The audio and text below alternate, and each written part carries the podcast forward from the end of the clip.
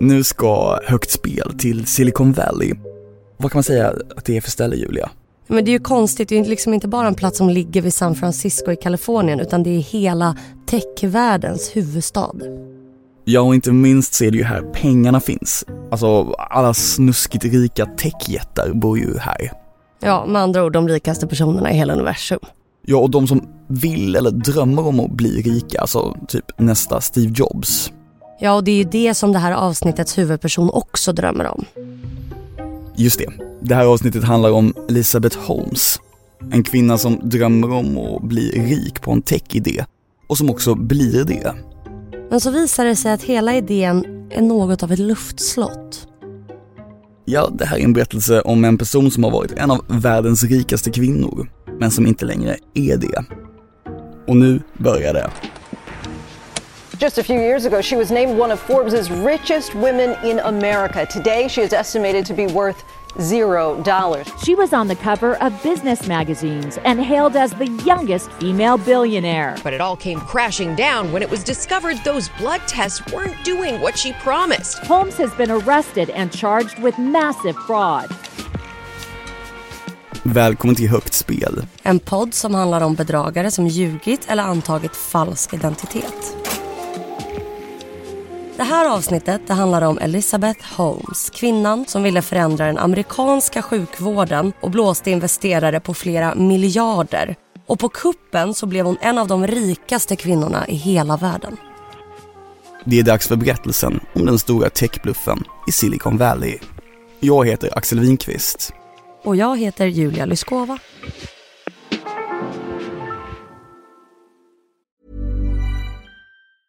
Ever catch yourself eating the same flavorless dinner three days in a row?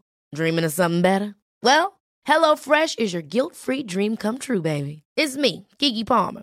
Let's wake up those taste buds with hot, juicy pecan-crusted chicken or garlic butter shrimp scampi. Mm.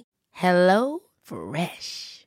Stop dreaming of all the delicious possibilities and dig in at HelloFresh.com. Let's get this dinner party started. Hey, it's Ryan Reynolds, and I'm here with Keith, co star of my upcoming film, If, only in theaters, May 17th. Do you want to tell people the big news? All right, I'll do it. Sign up now and you'll get unlimited for $15 a month in six months of Paramount Plus Essential Plan on us. Mintmobile.com slash switch. Upfront payment of $45 equivalent to $15 per month. Unlimited over 40 gigabytes per month. Face lower speeds. Videos at 480p. Active Mint customers by 531.24 get six months of Paramount Plus Essential Plan. Auto renews after six months. Offer ends May 31st, 2024. Separate Paramount Plus registration required. Terms and conditions apply if rated PG.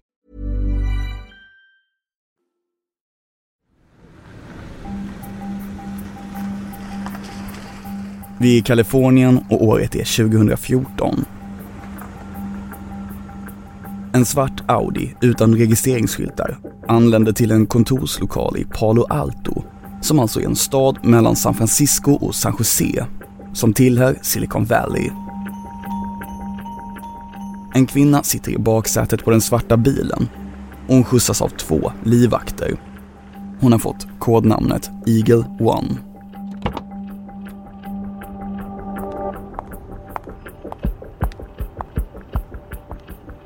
Det är tydligt att det här är en speciell person. Kvinnan i bilen heter Elizabeth Holmes och är något av en drottning i Silicon Valley. Elizabeth Holmes har långt blont hår, hon har blåa intensiva ögon. Och det här är kul för att hon är alltid klädd i svart polo och svarta byxor för att efterlikna då sin idol som är Apple-grundaren Steve Jobs. Elizabeth beskrivs också som ett underbarn. Hon var alltså 19 år gammal när hon startade företaget Theranos som nu är ett av de högst värderade företagen i hela Silicon Valley. Det är värt 4,5 miljarder dollar. Så vad är det då för företagsidé som den Steve Jobs-inspirerade figuren Elizabeth Holmes har kläckt fram? Jo, Theranos beskrivs som en helig graal som kommer att förändra hela sjukvårdssystemet. Elisabeth har utvecklat en apparat som ska användas för att ta enkla och billiga blodprover. Det är en dosa som via en sändare är uppkopplad till ett labb. Det är tänkt att bli sjukvårdens iPod, den här apparaten är liksom min största dröm som hypokondriker. Det här är alltså då en apparat som du kan ha hemma, en liten mätare och du kan testa allting när som helst hela tiden. Så tanken är alltså då att man i framtiden ska testa sig så fort man känner för det. Och sen så skickas det här resultatet direkt till ett labb. Genom den här apparaten så kommer man ju alltså kunna upptäcka alla sjukdomar i tid kan man säga. Man kan upptäcka cancer, man kan se om man har järnbrist, man kan se om man har någon mutation av corona. Så vår hälsa kommer liksom ständigt att kunna kontrolleras via de här regelbundna blodproverna. Det är en eh, otrolig uppfinning. Elisabeth tror på sin idé. Hon tänker att den här typen av tester kommer rädda miljontals liv varje år. För om alla kopplar upp sig till Theranos och regelbundet börjar testa sitt blod kan många slippa bli sjuka. Det blir som att ha en egen liten läkare hemma. Och Elizabeth Holmes som säger sig vilja förändra och förbättra folkhälsan väcker enormt intresse. Times sätter henne till och med på sin lista över de 100 mest inflytelserika personerna i världen. Så här låter det i NBCs program Mad Money när Elizabeth är där för att förklara sin idé. Could this be the future of preventive medicine? Let's take a closer look with Elizabeth Holmes. She's the founder and CEO of Theranos, who also happens to be the youngest self made female billionaire in America. Ms. Holmes, welcome to Mad Money. Thank you. It's great to be here. Thank you. The goal is to empower the individual. We believe strongly that the future of healthcare is in enabling the individual to have the information that they need to take ownership of their health. Hon är klädd i svart kavaj med en svart polo och det är många som reagerar på hennes mörka röst. Hon låter ju väldigt auktoritär så man lyssnar liksom lite extra när hon pratar. Men en del hävdar att Elisabeths mörka basröst är tillgjord. Att hon i själva verket pratar mycket ljusare och att rösten är fejk. Precis som hela hennes idé. Men vi ska backa bandet och ta det från början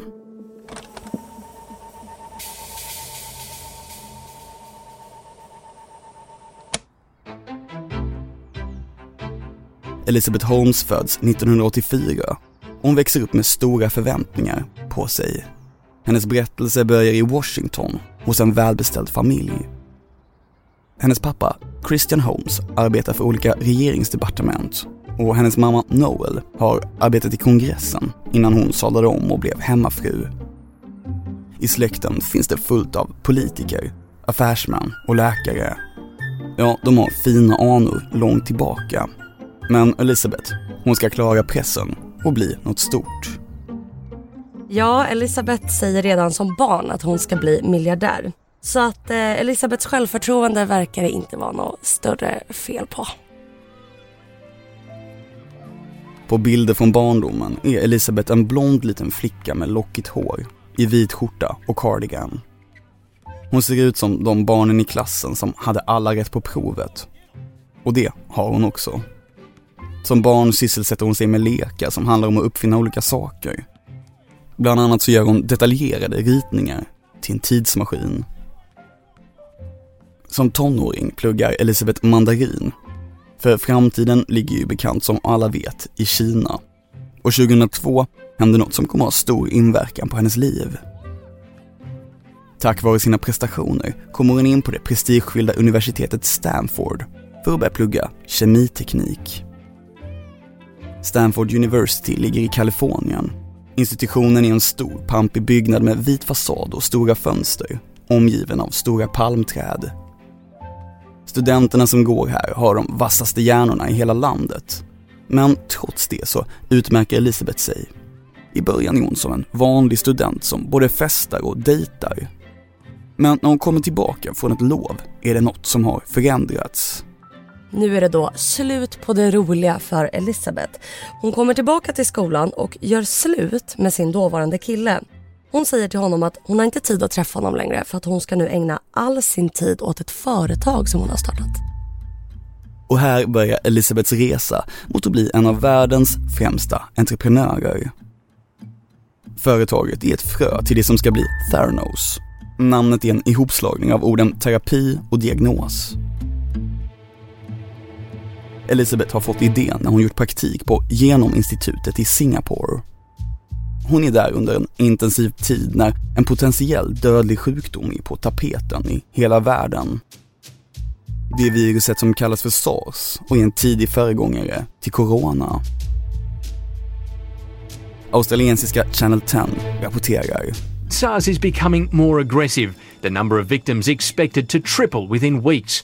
Despite government assurances it's under control, doctors are no longer willing to hide their grave fears. The Doctors' Union recommending drastic moves to deal with the epidemic. They say all businesses should be shut down for a fortnight to stop the infection spreading from person to person in the workplace. Elisabeths uppgifter under den här praktiken är bland annat att göra analyser i ett labb, att ta prover från topsar och sprutor. Och här började födas en idé. Hon tänker att det ska finnas ett smidigare sätt att ställa diagnoser. Så när hon kommer hem så arbetar hon dag och natt med en prototyp till det som ska bli Theranos testapparat. Det är en dosa där användaren själv kan ta och mata in ett blodprov som sen skickas iväg till ett labb digitalt. Den ser lite ut som en skrivare och kallas som sagt för sjukvårdens iPod. Tanken är att alla ska kunna ha en sån här i sitt hem för att regelbundet kunna testa sitt blod på ett enkelt och smidigt sätt. Men det är inte alla som tror på det här. På Elisabeths campus finns en kvinna som heter Phyllis Gardner. Hon är professor i medicin på Stanford och när Elisabeth presenterar sin idé är Phyllis skeptisk. Hon säger till sin student att det aldrig kommer gå att få säkra testresultat med så lite blod som Elisabeth vill använda. Men andra älskar den här idén. En professor som heter Channing Robertson är imponerad av Elisabeth. Aldrig har han haft en student med så mycket driv och som lyckas kombinera kunskap med uppfinningsrikedom. Det är den här typen av uppmuntran som för Elisabeth framåt. Robertson kommer senare att sitta i Theranos styrelse. För det är nu Elisabeth drar igång på riktigt. I början av 2004 då hoppar Elisabeth av Stanford för att helt fokusera på företaget Theranos. Hon är 19 år gammal och hyr in sig i en lokal i östra utkanterna av Palo Alto. Men det är inte som liksom Google och många andra techföretags glammiga kontor där man har liksom mjuka heltäckningsmattor, gym och någon salladsbar. Utan Elisabeth arbetar i ett industriområde som har slitna hus, lagerlokaler och tomma parkeringsplatser. Ja, och den här platsen ska också vara präglad av gängkriminalitet och skjutningar, eller hur? Mm, enligt boken Ont blod som då handlar om Theranos resa så kommer Elisabeth en gång till kontoret med glassplitter i håret efter att hennes bil har blivit beskjuten. Om detta är sant vet vi inte, men Elisabeth gör nu allt för att ta sig uppåt. Framförallt utnyttjar hon sin familjs stora och inflytelserika kontaktnät för att få investerare. Och när 2004 lider mot sitt slut har hon fått ihop nästan 6 miljoner dollar. Detta innebär att Elisabeth kan anställa fler. Nu jobbar 20 personer för företaget med att ta fram prototypen till Theranos One. Den måste snabbt konstrueras så att den kan visas upp för alla investerare Elisabeth vill ju som sagt att så lite blod som möjligt ska användas, alltså bara en droppe. Men att analysera och ta fram provresultat på så här lite blod det är en enorm teknisk utmaning. För provet ska pumpas genom den lilla apparaten, det måste ske med exakt rätt timing och samtidigt så får det här inte läcka. Många tvivlar på om det här ens är möjligt. Det tar enormt mycket tid och kraft att utveckla Theranos system och Elisabeth har bråttom. Hon vill hela tiden framåt och närmare sitt mål hon vill därför att personalen ska kunna arbeta i princip dygnet runt. Och hon blir ganska frustrerad när en av chefsingenjörerna säger att han inte vill att de anställda ska jobba i skift på nätterna. Elisabeth har ingen tid att förlora. Investerarna som kastat pengar på henne vill ju se resultat så snabbt som möjligt och hon har tunnelseende med sina mål. Och Elisabeth har ju en idol som sätter en hög standard Vi hör henne berätta i NBCs program Mad Money. You know, Steve Jobs was, I don't think there is another Steve Jobs. He was a phenomenal entrepreneur. We've got an incredible opportunity to try to uphold a legacy in Silicon Valley of changing the world. And Disrupting the world. We're working 24 7 to do it. Det är tydligt att Elizabeth har en förebild i Steve Jobs, Apples grundare. Och jag tänker att vi alla har sett den här svartvita bilden på honom när han har polo, runda glasögon och håller handen på hakan. Elizabeth vill också att Theranos ska ha samma stilrena och liksom enkla design som Apple har. Och hon rekryterar därför ett gäng personer som har arbetat på Apple till hennes företag. En av dem som rekryteras från Apple till Theranos är en produktdesigner vid namn Anna Ariola. Anna har bland annat arbetat med att ta fram iPhone. Hon är en big shot på sitt område. En bestämd kvinna med kort, krulligt hår och kattformade 60-talsglasögon. Hon kommer till Theranos för att ge testapparaten en slimmad och stilren design. Till en början är det guld och gröna skogar. Anna blir inspirerad av den karismatiska Elisabeth med den mörka stämman. För Elisabeth ger som så ofta intrycket av att vara ett excentriskt geni. Till exempel ser Anna hur Elisabeth brukar sitta kvar i sin bil på parkeringen varje morgon och digga till hiphop det är som att hon är rätt speedad och vill kicka igång dagen med hög puls. Det går bättre och bättre för företaget och de flyttar till större och mycket lyxigare lokaler där i Palo Alto. Men det är någonting som inte riktigt stämmer för att det verkar som att lokalerna, de är bättre än själva företaget. För det är inte ens någon som har sett den här apparaten som allt bygger på än.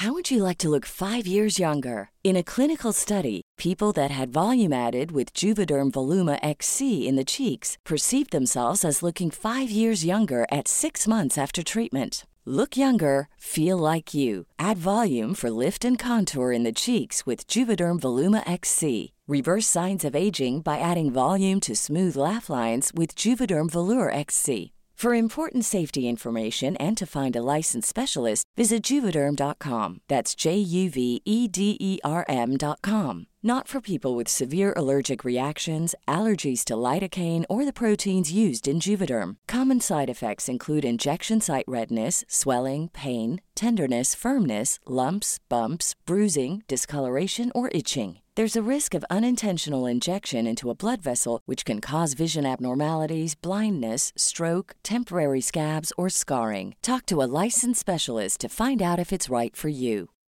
Millions of people have lost weight with personalized plans from Noom, like Evan, who can't stand salads and still lost 50 pounds.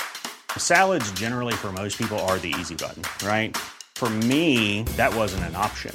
I never really was a salad guy. That's just not who I am. But Noom worked for me. Get your personalized plan today at Noom.com. Real Noom user compensated to provide their story.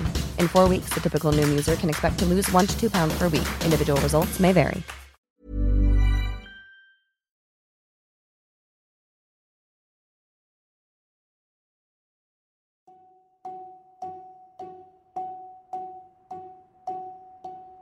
En dag bestämmer sig två av Theranos anställda, Mike Barley och Aaron Moore, för att på eget bevåg testa apparaten på några vänner. Mike och Aaron är två unga framgångsrika män som hoppat runt på olika företag i Silicon Valley. Och den här idén tror de verkligen på. Hela Theranos präglas av en känsla av att företaget håller på med något viktigt. Det är inte Google eller Facebook, utan blodtester som förhoppningsvis kommer rädda liv om de används på det sättet som Elisabeth vill. Så Mike och Aaron är hoppfulla när de kör runt i Silicon Valley för att testa apparaten på gamla kollegor och vänner. Mm, det blir ju då lite kaos här.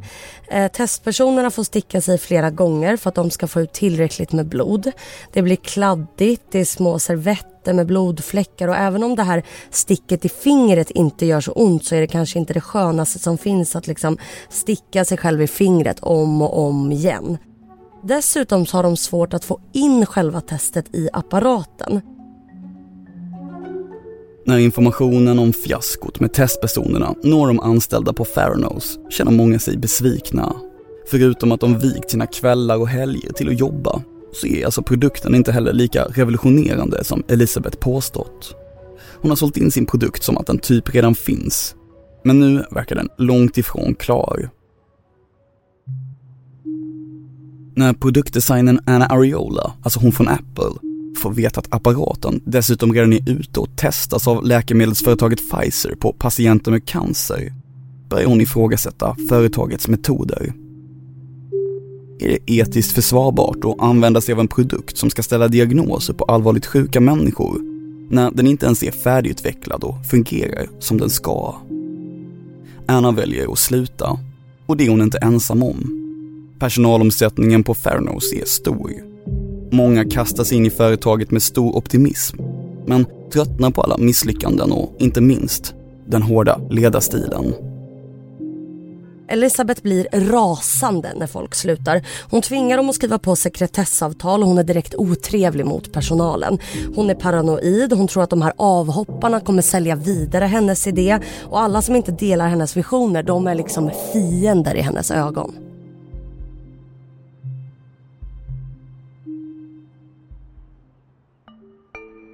Men Elisabeth har en lojal och trogen medarbetare och det kanske inte är så konstigt eftersom han också är hennes pojkvän. Han är en man vid namn Sunny Balvani. Sunny är född i Pakistan och uppvuxen i Indien. Han har gjort sig en förmögenhet på en av de första auktionssajterna på nätet som han hann sälja precis innan IT-bubblan sprack. Det gör Sunny ekonomiskt oberoende och investeringssugen. Tidigt går han in med 13 miljoner dollar i Theranos. Elisabeth ser upp till sin pojkvän och lyssnar på hans råd. Men hon säger varken till sin personal eller andra investerare att de är ett par. Sunny blir hennes högra hand, men han är ganska illa omtyckt av Theranos anställda. Sunny beskrivs av flera personer som auktoritär. Och när han blir företagets vice VD skäller han fram sina order. Sunny har en Porsche med reggskylten Das Kapital och det är lite ironiskt eftersom att det är Karl Marx kritiska manifest mot kapitalismen. Han har också en Lamborghini med förkortningen av Veni Vedi Vici som är latin för jag kom, jag såg, jag segrade.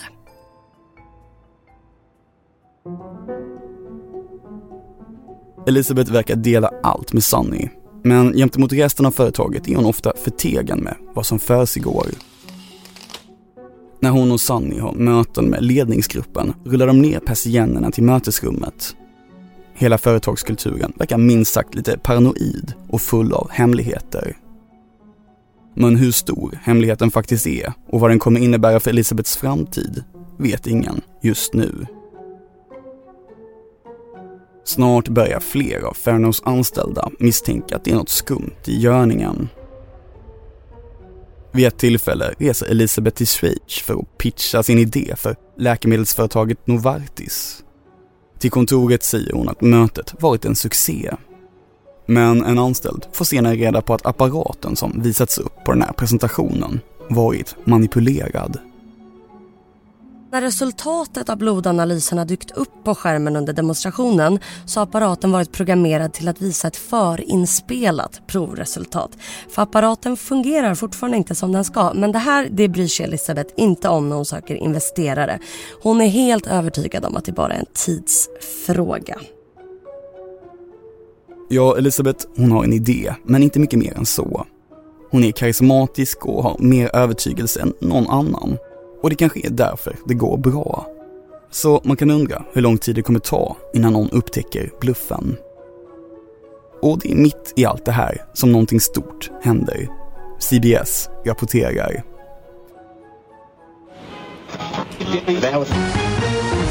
This is going to be one of the watershed days in financial markets history. It was a manic Monday in the financial markets. The Dow tumbled more than 500 points after two pillars of the street tumbled over the weekend. Lehman Brothers, a 158 year old firm, filed for bankruptcy. 2008 drar finanskrisen in som en storm över USA och världen. Men när den stabiliseras riktar allt fler investerare blicken mot framtiden. Och framtiden är återigen Silicon Valley. Facebook värderas till 50 miljarder och Twitter till nio. Framtidens kassako är internet och teknik. Så Elisabeth kan ta möten med den stora apotekskedjan Walgreens och snabbköpskedjan Safeway. Båda de här företagen blir golvade av Elizabeth, av hennes ungdomliga driv och entreprenörsanda. De bestämmer sig för att satsa. Walgreens tecknar ett avtal att de vill köpa apparater för 50 miljoner dollar och låna ut 25 miljoner till Fairnose. Safeway lånar ut 30 miljoner dollar. Ja, när Walgreens ledning träffar Elizabeth och Sunny så är den här möteslokalen full av blodröda ballonger och en person från apotekskedjan ställer sig upp och sjunger John Lennons Imagine framför ett bildspel med texten En revolution för labbindustrin. Den här peppiga stämningen säger ju ändå något om hur bra Elisabeth måste vara på att pitcha sin idé eftersom att Walgreens är ett jättestort företag och nu tror också de att Theranos blodtester kommer att liksom revolutionera världen. På det här mötet får Walgreens representanter också provtesta sig med Theranos apparater. Elisabeth säger att hon snart ska återkomma med deras provsvar. Men det händer aldrig.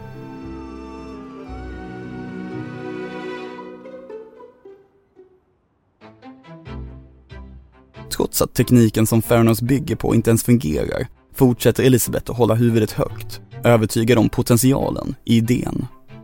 Hon är bara 27 år gammal. På företagets julfest 2011 håller hon ett tal och säger att Theranos är det viktigaste som mänskligheten har skapat. Ja, det verkar nästan som att Elisabeth vill att hennes företag ska vara typ som en sekt. En gång så lägger hon ett exemplar av Paolo Coelhos bok Alkemisten på sina anställdas platser. Och Paolo Coelho är en new age-inspirerad författare som uppmanar folk till att liksom leva i nuet, följa sina drömmar, aldrig ge upp. Och i samma veva som de anställda får böckerna så säger Elisabeth faktiskt att Theranos är att likna vid en religion. Och eh, de som inte delar den uppfattningen, de kan dra.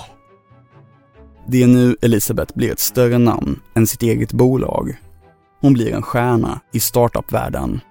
Hon pryder tidningsomslag och intervjuas i TV hon syns bland annat i ABC och får hosta ett eget TED-talk.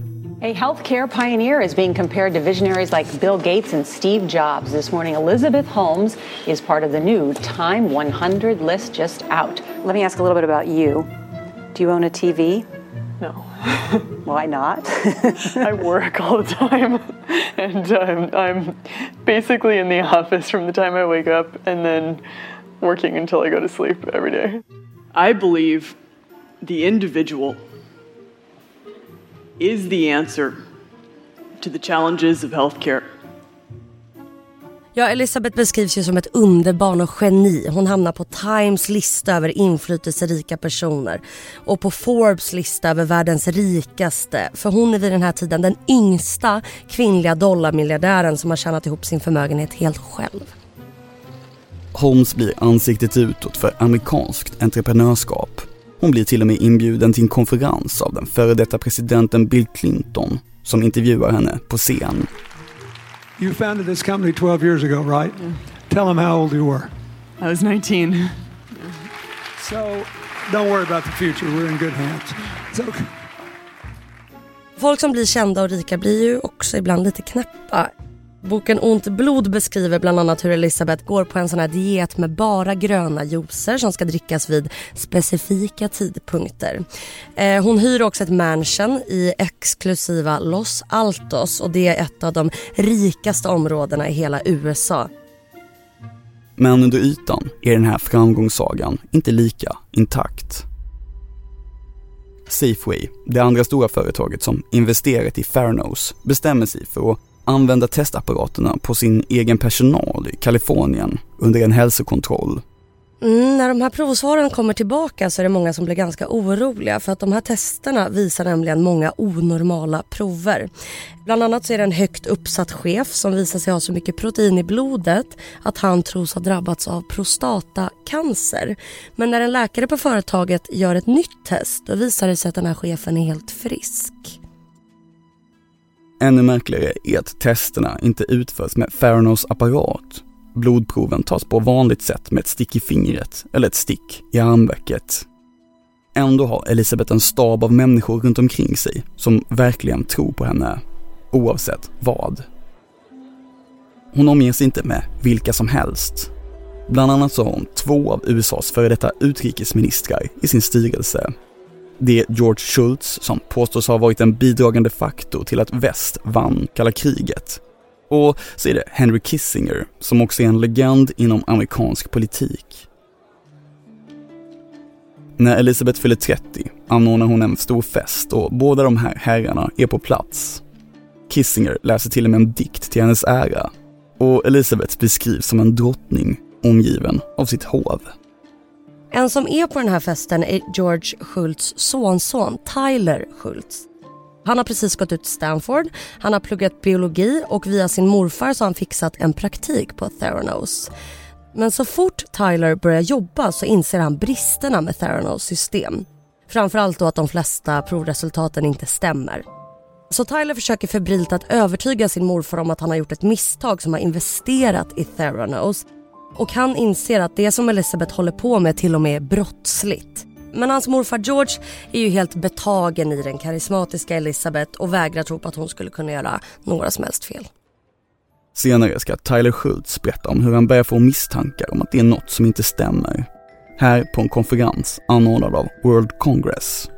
The first time that I saw that was actually the first time that my manager from a research lab was seeing it. And I remember she looked at the woman who was giving us the demo and just went, Do you think this is very cool?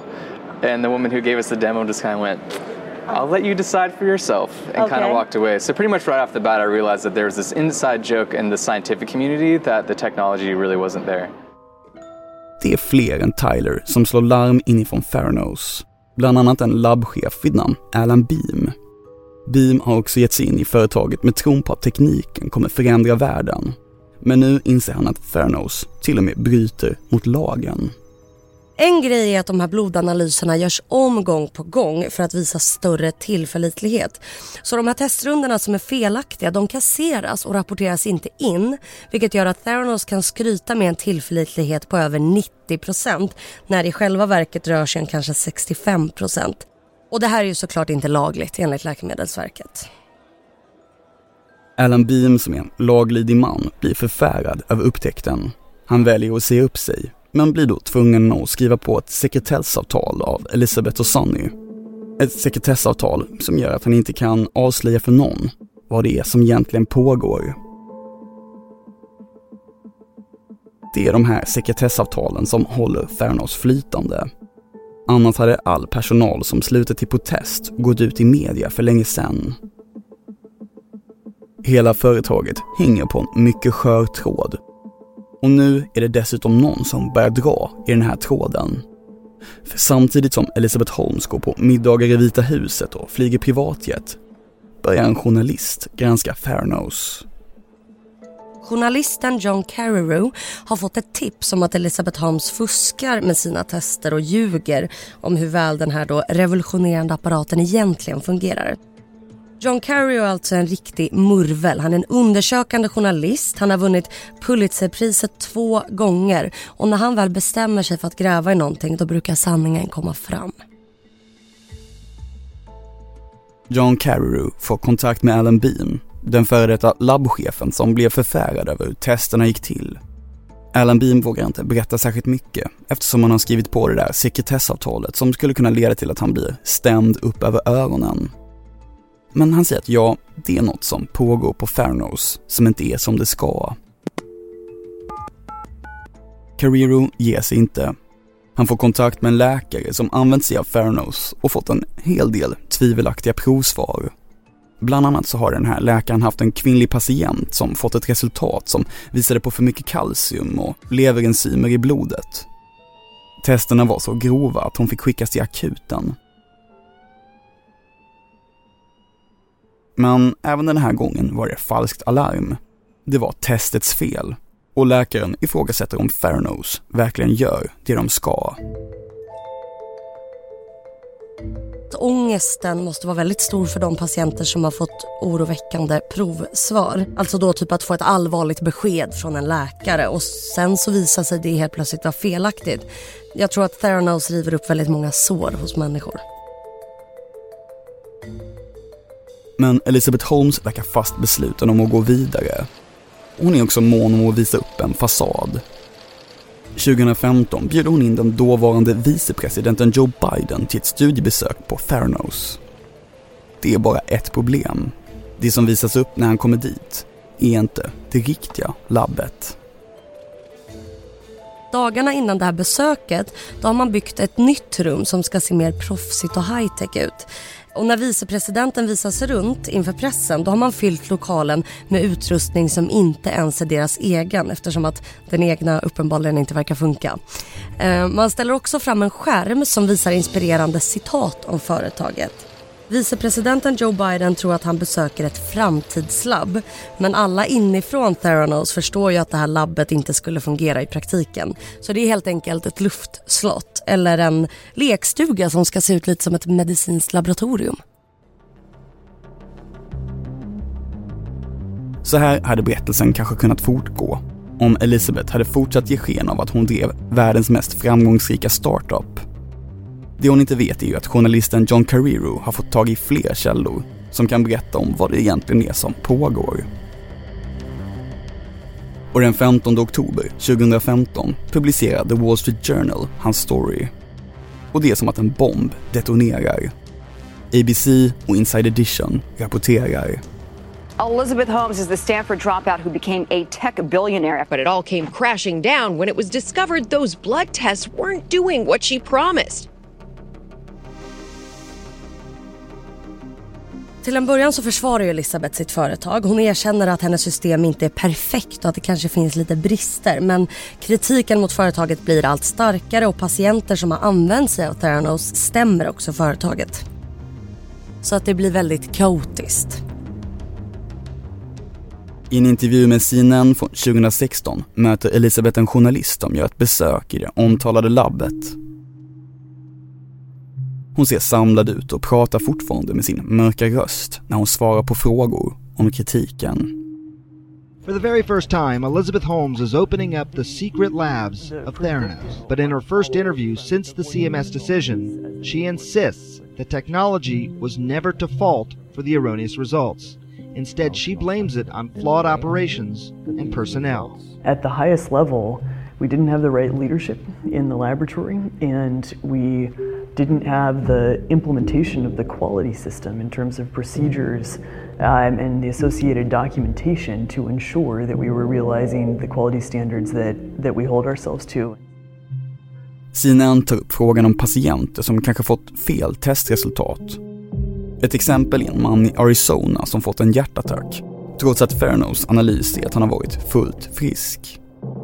Could he have gotten a lab result that was so askew that he didn't act on it and then a month later he ended up having a heart attack.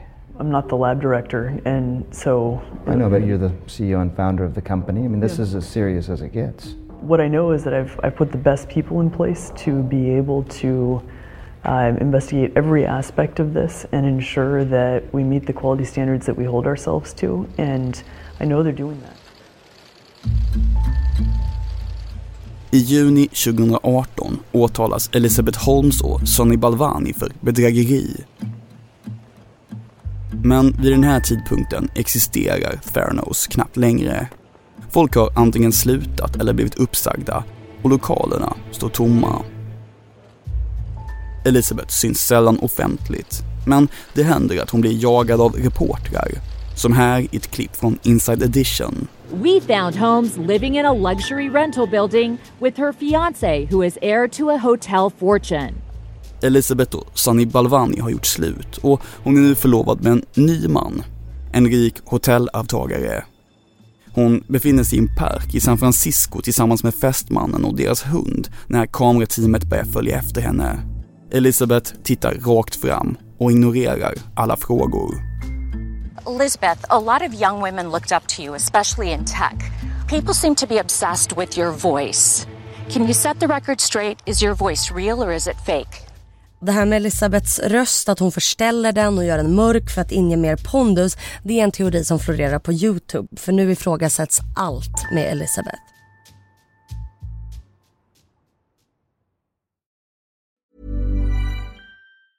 Have catch yourself eating the same flavorless dinner three days in a row? Dreaming of something better? Well, HelloFresh is your guilt free dream come true baby. It's me, Gigi Palmer. Let's wake up those taste buds with hot, juicy pecan crusted chicken or garlic butter shrimp scampi. Mm. Hello Fresh. Stop dreaming of all the delicious possibilities and dig in at HelloFresh.com. Let's get this dinner party started. Hey, it's Paige DeSorbo from Giggly Squad. High quality fashion without the price tag. Say hello to Quince. I'm snagging high-end essentials like cozy cashmere sweaters, sleek leather jackets, fine jewelry, and so much more. With Quince being 50 to 80% less than similar brands. And they partner with factories that prioritize safe, ethical, and responsible manufacturing. I love that. Luxury quality within reach. Go to quince.com slash style to get free shipping and 365-day returns on your next order. quince.com slash style.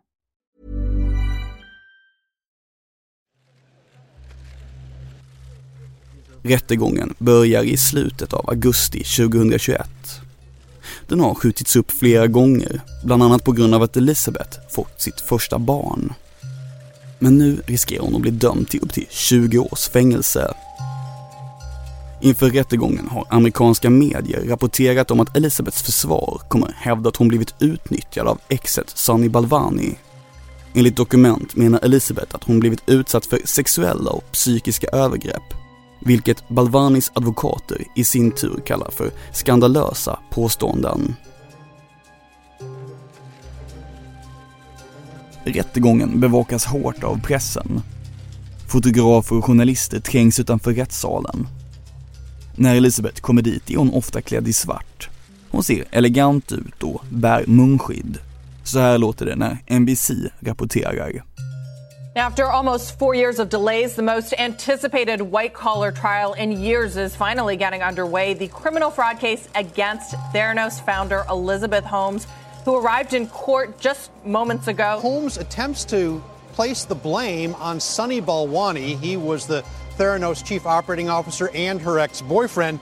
Uh, she claims that he abused her for a decade, monitoring her calls, texts, emails, physical violence, restricting her sleep, and insisting that any success she achieved was because of him, adding yet another dimension to the biggest white collar fraud trial in years. The prosecution started the day focused on faulty Theranos testing machines. First, testimony from Erin Tompkins of Arizona, who was told by a Theranos test that she had HIV antibodies, only to find out later the test was wrong. Another witness, Dr. Mark Burns, talked about one of his patients who took a Theranos test that wrongly detected prostate cancer. När detta avsnittet släpps har domen ännu inte fallit. Så om Elizabeth frias eller fälls för sitt arbete med Theranos återstår att se. Men kanske är det här en historia som berättar om mer än bara en enskild kvinnas öde. Det handlar om jakten på pengar och hungriga investerare som letar efter nästa stora idé. Och det hela påminner ju faktiskt lite om sagan om kejsarens nya kläder. Oavsett vad så kommer ju den här berättelsen att gå till historien om den här unga tjejen som lyckades bluffa Silicon Valley. Eh, och det är ju en plats som ska vara befolkad av världens smartaste hjärnor. Och det kanske mest kittlande med den här storyn det är att även eliten kan bli lurade. Tänk att vara så övertygad att man lyckas lura före detta utrikesministrar, politiker och till och med professorer och läkare. Ja, och framförallt är det en berättelse om några personer som spelat ett väldigt högt spel. Högt spel är också namnet på vår podd med mig Axel Winqvist. Och jag heter Julia Lyskova. Under arbetet med det här avsnittet har vi använt oss av flera olika källor, men framförallt boken Ont blod, som är skriven av John Carrero som gjorde det stora avslöjandet. Producent är Matilda von Essen och programmet görs av produktionsbolaget Studio Olga.